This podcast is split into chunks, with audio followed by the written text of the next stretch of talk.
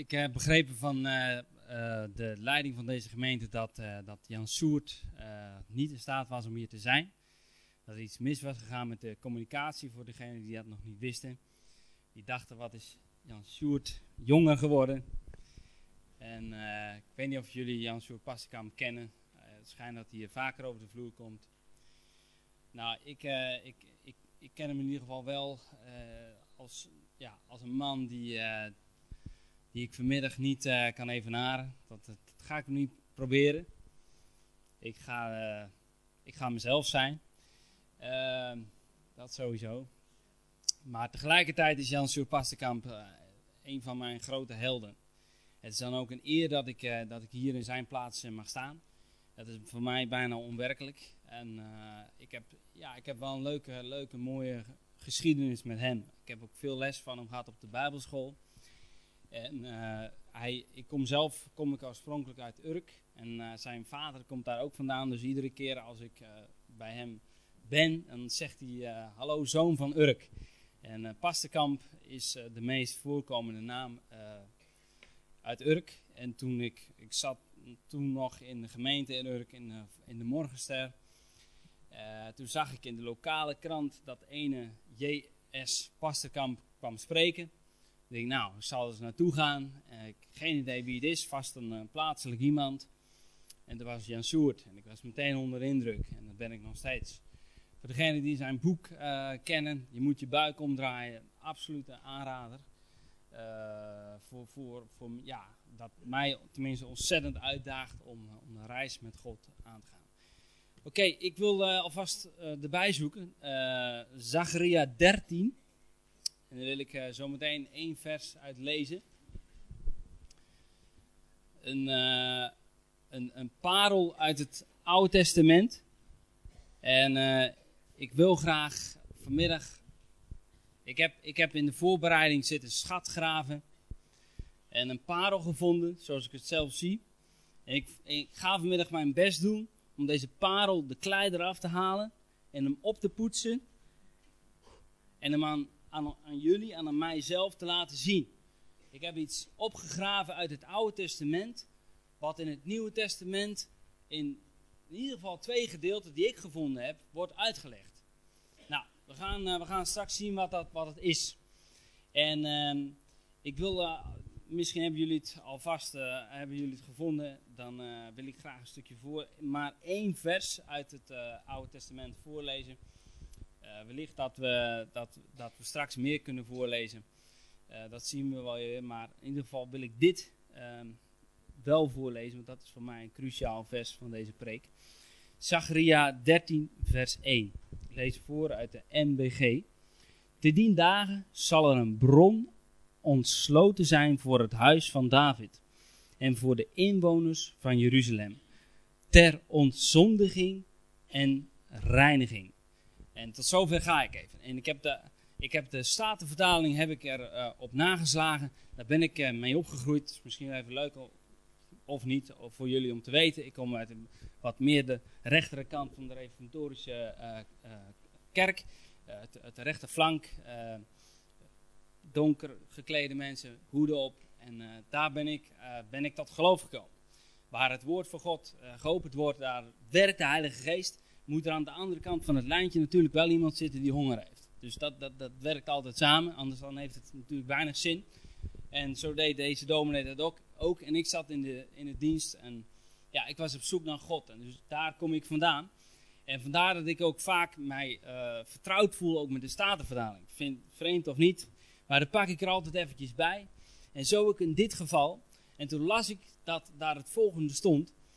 Eh, dat daar stond, er zal een fontein eh, uitspuit, ontsloten worden.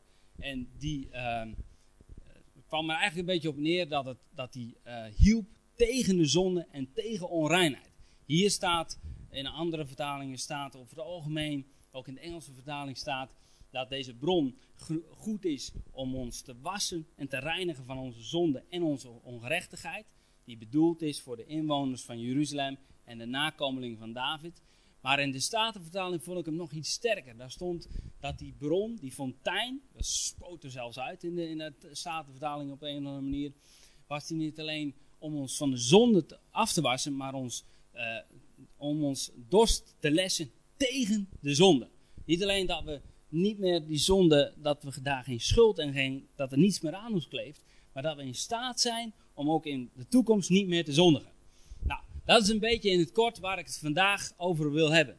En uh, het eerste uh, deel uit, komt uit het Nieuwe Testament en het tweede deel ook. Maar het eerste deel wat ik wil gebruiken om deze oud-testamentische tekst te verklaren, althans naar mijn inzien, geeft het weer wat ermee bedoeld wordt, komt het Johannes 4. En ik ga dat niet voorlezen, omwille van de tijd, omdat het zo'n uh, bekend uh, ja, hoofdstuk is dat het eigenlijk niet hoeft. Tenminste, daar ga ik gemakshalve een beetje vanuit. En dan komen we bij het verhaal van de Samaritaanse vrouw. En uh, nou, zoals ik al zei, dat, dat verhaal is bekend. De Samaritaanse vrouw. Uh, er kleeft ook van alles aan. Ze was Samaritaans, ze was vrouw. Ze had uh, vijf mannen gehad. En degene die ze nu had, dat was ook haar man eigenlijk niet. En Jezus wist dat eigenlijk allemaal zomaar over haar te vertellen. Jezus kreeg, wat ik dan zeg, een woord van kennis, zoals we dat kunnen lezen later in de brief van Paulus in 1 Korinthe 12 onder andere, werd hij geïnspireerd door de Heilige Geest. En hij zei, dit en dit is wat je nu meemaakt en dit en dit is wat ik nu zie. En die vrouw wordt daar eigenlijk door verrast en zo verbaasd door, dat ze spontaan haar spullen achter zich laat, rent naar Jeruzalem en de mensen die daar zijn ook optrommelt en zegt, de man die ik nu gesproken heb, dat moet wel de, de, de Messias waarop in, in het Oude Testament, hè, hun Bijbel van dat moment, gesproken wordt. Hij is volgens mij de verlosser waar we met z'n allen op zitten te wachten. Nou, en in het deel wat we net hebben gelezen gaat het over die bron die zal ons, hè, ontsloten worden voor de inwoners van Jeruzalem en voor de nazaten van koning David. En volgens mij is hier zo'n moment waar we oog in oog staan met Jezus, de bron van het leven. En deze vrouw, die doet de ontdekking van, maar wacht eens even, ik ben uit een natuurlijke bron, ben ik water aan het putten. En, maar deze man heeft iets bijzonders, wat mij, ja, wat mij geestelijk, wat mij echt water geeft, waardoor ik nooit meer dorst zal hebben. Nou, er zijn er een aantal dingetjes waar ik eigenlijk altijd al mee een beetje in mijn maag liep, ook bij deze tekst. En ik zal je uitleggen wat ik daarmee bedoelde. Uh, het eerste wat Jezus eigenlijk zegt is, zodra je, vrouw, je bent nu wel aan het putten uit deze bron, maar ik heb water en als je daarvan zal drinken, zal je in de eeuwigheid niet meer dorsten. U merkt, soms citeer ik uit het Statenverdaling, maar dat zit nog helemaal in mijn systeem. En uh, dat, volgens mij is dat niet erg. Uh, en en, maar ik heb eigenlijk altijd met die vraag rondgelopen. Het is niet zo dat ik s ochtends wakker werd en dat die vraag dan in mijn hoofd zat. Maar het bleef altijd een beetje rammelen in mijn hoofd, deze tekst. Want Jezus heeft het erover. En voor jullie was het natuurlijk gelijk al uh, duidelijk wat er, wat er bedoeld wordt. Maar ik loop soms een beetje achter de feiten aan. Als het gaat over de Bijbel. Dan, dan denk ik, wat bedoelen ze daarmee? En sommige mensen lijken het allemaal te weten. Maar die willen misschien niet toegeven dat ze het niet weten. Nou, ik ben dan zo iemand die, die, die zegt gewoon, ik snap het niet. Maar dan zegt hij, zodra je van deze bron mij hebt gedronken, die nu vrij van je ogen, ik sta voor je, die nu voor je staat, hebt gedronken, zul je tot in de eeuwigheid geen dorst meer hebben. Nou, hebben we net gezongen, waren het niet dat we zojuist hebben gezongen, Trouwens, wat een ongelofelijke sound komt er uit die band. Man, man, man, man, man. Jullie moeten gaan toeren, mensen. Zo'n zo'n kleine opstelling, hè, zo klein. En dan nog zo die zaal volblazen. Ja, ik vond het geweldig. Ik vond het grandioos. Zonder drums op alleen een gitaar. En de mensen die staan te zingen, geweldig. Maar we hebben gezongen. En het heigend hert dat verlangt naar water. Als een hert dat verlangt naar water. En is het niet zo dat de Bijbel ons altijd aanspoort om te drinken van het bron van leven? En als we eenmaal van dat water des levens hebben gedronken, dan zullen we daar altijd naar blijven dorsten. Dan zullen we altijd blijven zoeken naar gaten, naar momenten, naar manieren om maar van dat levende water te kunnen drinken. Of met andere woorden, we blijven er altijd dorst naar hebben. En Jezus zegt hier nota bene tegenovergestelde.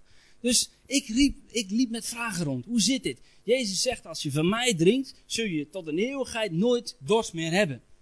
Nou, en eigenlijk, nog niet eens zo heel erg gek lang geleden, kwam ik er achter wat hij volgens mij daarmee bedoelde. Hij bedoelde namelijk, als je eenmaal gedronken hebt van de bron die ik ben, zul je niet meer dorsten naar de zonde. Juist, dat is het. Dat, zo simpel is het gewoon. Zo, hoe moeilijk kan het zijn? Maar ik, pas toen viel dat kwartje voor mij. En het is inderdaad zo dat uh, Zacharia, hè, waar we net over hebben gelezen, dat hij vermelding doet van de bron van het leven die Jezus is. En dat niet alleen voor de mensen uit Jeruzalem, maar zelfs voor de mensen in Boskoop, dat daar, dat daar uh, uh, levend water uit komt borrelen en dat we er zomer van mogen drinken. Want deze vrouw, die zit eigenlijk nog een beetje in oud-testamentische mindset. En gelijk heeft ze, want dat staat er gewoon letterlijk. En die zegt, ja maar uh, van oudsher wordt er gezegd dat, dat op je, in Jeruzalem wij moeten aanbeden en dat God daar gevonden wordt. En dan komt Jezus met die belangrijke woorden. Dat het er niet om gaat waar we God aanbidden, maar we God moeten aanbidden in geest en in waarheid. En dat we dan overal, zelfs op de maan, maakt niet uit, dat we God kunnen vinden en dat we kunnen drinken, onszelf kunnen laven aan de bron van leven, water die Jezus is. En dan, dan komt er, ik denk, een moment dat Jezus niet alleen haar zonde was, dat zij vergeven wordt van, hè, van in haar geval zonde van hoererij. Want ik bedoel, vijf mannen heeft ze gehad en de man die ze nu heeft, dat is, dat is, uh, die, is ook niet van haar. Dus dat is, ja, dat is niet zo gereformeerd volgens mij. Dat, dat, dat, dat klopt niet. Dat, dat, daar rammelt iets aan, als je het mij vraagt tenminste. En dus die bron des levens die vergeeft op dat moment haar zonde. Omdat ze inziet, hey, dit is de lang verwachte Messias. En hij is het, is het die komen zal, die de wereld gaat redden. En, maar dan zegt de, uh, de, de, de, de profeet Zacharia eigenlijk nog iets. Maar hij reinigt ons ook van onze ongerechtigheid. Hij was, niet alleen de zonde weg, maar hij zorgt er ook voor dat we in de toekomst niet meer gaan zondigen. Deze vrouw, die niet alleen bij een natuurlijke put zit, die, eh, waar ze uit, volgens mij heeft ze er nooit uit gedronken die dag, want ze is gelijk, uh, ze is gelijk weggegaan. Ze had in één keer geen interesse er meer aan. En ze wordt spontaan een evangelist, gaat het dorp in, de stad in, en mensen komen tot bekering. En, maar ze wordt ook, ze, ze, ze merkt van, hé, hey, al die liefde, al die de bevestiging waar ik naar op zoek was, al die die aandacht die ik zo bij die mannen hoopte te vinden, maar die, het, het was het steeds net niet. Het, het lijkt erop alsof ik nu iets gevonden heb, mensen, wat me zo verzadigt. Dat hetgeen wat die profeet hier uit Nazareth zegt, dat het waar is. Dat ik nooit meer zal dorsten naar die zonde, naar die, naar die valse liefde die mij maar niet kon bevredigen. Die is nu eindelijk gelest. Deze dorst is nu eindelijk gelest. En en ik, ik moest onwillekeurig eigenlijk ook denken aan mijn, aan mijn eigen verhaal. Misschien is het leuk om een klein tipje van de sluier daarvan op te lichten. Ik ben zelf ook jarenlang uh, heb ik geworsteld met onreinheid. En, en ik, ik, heb alles gedaan om daar vanaf te komen. En het was allemaal goed. Cursus hier gedaan, praatgroep daar gedaan. Hallo, ik ben Maarten, ik ben verslaafd. Hallo Maarten. Nou, je kent het hele verhaal. En en, en, en internetcursus en, en filters in geïnstalleerd op mijn laptop. Het was allemaal nodig. Maar hetgene wat mij uiteindelijk dat kwartje liet vallen was, dat ik begon te drinken van Jezus, de bron van het leven. En ik begon te beseffen, ja maar wacht eens even. Als ik dit heb, hoef ik niet meer te grijpen naar die valse liefde. Als ik weet dat ik gered ben, dat ik heilig ben, dat ik rein ben, rechtvaardig ben door het bloed van Christus Jezus, dat heeft bij mij zoveel bevrijding teweeggebracht, mensen. Dat ik, dat ik toen dat kwartje eenmaal viel, ben ik daarna nooit meer teruggegaan naar die ongerechtigheid. bij die vrouwen waren het de mannen, bij, bij anderen is het, ik weet niet wat. Maar als je Jezus, de bron van levend water, recht in je ogen aankijkt. En elke dag gaat drinken uit het levende water. En dat alleen maar tot je neemt. Nou jongen, dan kan je, kan je een verleden hebben waar je u tegen zegt. Maar ik garandeer je dat dat de grote sleutel is om vrij te komen van je verleden. Zijn we, vindt u het nog interessant? Oké. Is er trouwens iemand die een klein... Ik, een gebed wordt verhoord voordat ik het uitspreek.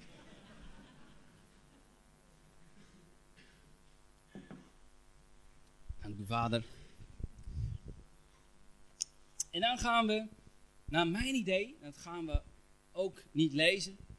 Ik wil het niet heel erg lang houden vanmiddag, maar gaan we de essentie pakken naar mijn idee van Zachariah 13 vers 1 in één hoofdstuk verder, namelijk hoofdstuk 5 van Johannes.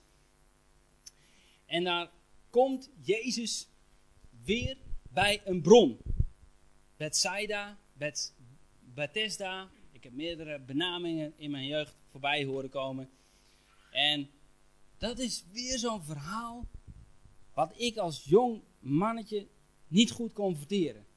Dat kon u waarschijnlijk wel, maar ik, ergens rammelde er weer iets aan dit verhaal. En ik zal je uitleggen wat ik daarmee bedoel. Ehm, ik zal misschien even toch het eerste vers voorlezen, twee versen. Misschien daarna was er een feest der Joden en Jezus ging op naar Jeruzalem. Dat is de plek waar, hè, waar het gebeurt. Daar, volgens de tekst in Zacharia, nou, dan moet het goed komen. Nu is het Jeruzalem bij de schaapspoort een bad, dat in het Hebreeuws bijnaam had uh, Bethesda draagt, met vijf zuilengangen. Daarin lagen menigte zieken, blinden, verlamden en verschrompelden, die wachten op de beweging van het water. Want van tijd tot tijd daalde een engel des Heren neder in het bad, dan bewoog het water. Wie er dan eerst inkwam na de beweging van het water, werd gezond. Wat voor ziekte hij ook had. En er was een man die reeds 38 jaar lang ziek was geweest. Hem zag Jezus liggen. En daar hij wist dat hij daar reeds lange tijd was, zeide hij tot hem: Wilt gij gezond worden? De zieke antwoordde hem: Heere, ik heb geen mens om mij, zodra er beweging komt in het water, in het bad te werpen. En terwijl ik onderweg ben, daalde een ander voor mij af. Jezus zeide tot hem, sta op, neem uw matras op en wandel. Was dus kennelijk verlamd. Vertelde het verhaal niet. En terstond werd deze man gezond en nam zijn matras op en ging zijns weegs. Nou, zoals ik al zei, dit is een van die verhalen wat ja, bij mij sinds ik een klein mannetje was in de kerk altijd een beetje is blijven knagen. En sinds niet al te lange tijd ben ik erachter gekomen waarom. Weer hetzelfde. En ik zal je uitleggen wat ik daarmee bedoel. We zien hier een grote zaal met vijf zuilengangen, best een groot gebouw. Ik weet niet hoeveel zieken die daar aan een water liggen. En er is daar een, bron, een water, geen idee, een badwater. Uh, en eens in de zoveel tijd, gewoon random, dan begint het water te rimpelen. Alsof er een engel, een onzichtbaar wezen, dat water aanraakt en daardoor begint het te bewegen. Nou, je kent het verhaal en dan degene die als eerste in het water komt, met in aanraking komt met dat water na de beweging van het water, die wordt gezond van welke ziekte hij ook bevangen was. Nou,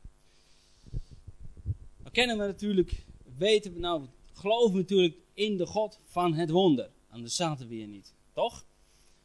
Jezus ging rond, handelingen 13, als een weldoener, genezende allen die van de duivel overweldigd waren. Kennelijk verbindt de duivel, of uh, verbindt de Bijbel, ziekte en de duivel met elkaar. Dus als mensen bevrijd werden van demonische machten, dan waren ze gezond. Dus dat is mij niet vreemd. Maar wat het aparte aan dit, je mag het kinderachtig voel, uh, vinden, je mag dat raven, je mag het ook oneens met me zijn, dat is zo heerlijk. Uh, maar wat ik daar zo raar aan vind, is dat er dan maar één geneest. Uh, dat is degene die ergens vooraan ligt. Want we weten niet wanneer het gebeurt en iedereen wil genezen worden. Dus ja, dan moet je maar vooraan liggen. Dus dan... Maar stel nou eens voor, zo zat ik me als klein mannetje in te denken in de kerkbank. Als ik verlamd was, net als die man die hier beschreven wordt. En ik zou dan op die rand van dat bad liggen. totdat het water ging bewegen. En ik was nummer 2 en ik viel erin. Dan zou ik gewoon verzuipen. Hè? Dan zou ik gewoon hartstikke verzuipen. Dus dat scenario had ik in mijn hoofd als klein mannetje en ik kon dat niet verteren. Als u de NBG bij u heeft, dan ziet u dat dat gedeelte, wat ik nu net beschreef, dat het tussen rechte haken staat. Oftewel, dat betekent dat in oude geschriften het er niet staat en iets latere geschriften het er wel staat. Dus kan zijn dat het er later aan toegevoegd is. Archeologen, en nu, wat ik nu vertel, dat mag je mee eens zijn, mag je ook oneens zijn, maar ik geloof dat met heel mijn hart. Die zeggen dat het een occulte plaats is geweest, waar dit plaatsvond. Dat zeggen vandaag de dag de, de archeologen die daar onderzoek naar hebben gedaan, die dat terugvinden daar. Joodse rabbijnen vinden het heel vreemd dat wij in het Westen het op deze manier uitleggen. Dat het een engel van God is geweest. Er staat engel, maar van wie kwam die engel dan afkomstig? Ik vind het een beetje, er zit poep aan, poep aan de knikker in dit verhaal. Die zeggen namelijk allemaal, ja maar dat was een, dat, dat, dat, dat verhaal dat rammelt. Dat is occult, dat is niet goed. Want zo ken ik, laten we eerlijk zijn, zo ken ik mijn God niet. Ik bedoel, als je verlamd bent en je bent nummer twee, dan, dan ga je hartstikke dood. Dat is toch niet hoe ik mijn God in de Bijbel tegenkom. Dus ik begon, ik vond dat als kind al raar. Ik vond het. En eh, totdat ik deze uitleg hoorde en ik dacht van, ja, dat, zou een hele dat zou een heel redelijk antwoord kunnen zijn. Dat nam een stuk verlichting van me. Ja, kun je dat voorstellen? Eh, Laatst in de voorbereiding las ik het ook in de NBV. En daar blijkt de hele tekst er niet meer tussen te staan. Dus ik, dingen vielen al wat meer op mijn plek. Nou, mag je zelf allemaal uitzoeken hoe je dit vindt, hoe je dit niet vindt. Maar ik, ik, denk dat dit op deze manier in, elkaar steekt. Nou, komt natuurlijk het volgende. Dat Jezus zich weer bevindt bij een bron. En naar mijn idee, bij een smerige bron. Geef me woord, bij een bron wat niet zo zuiver is.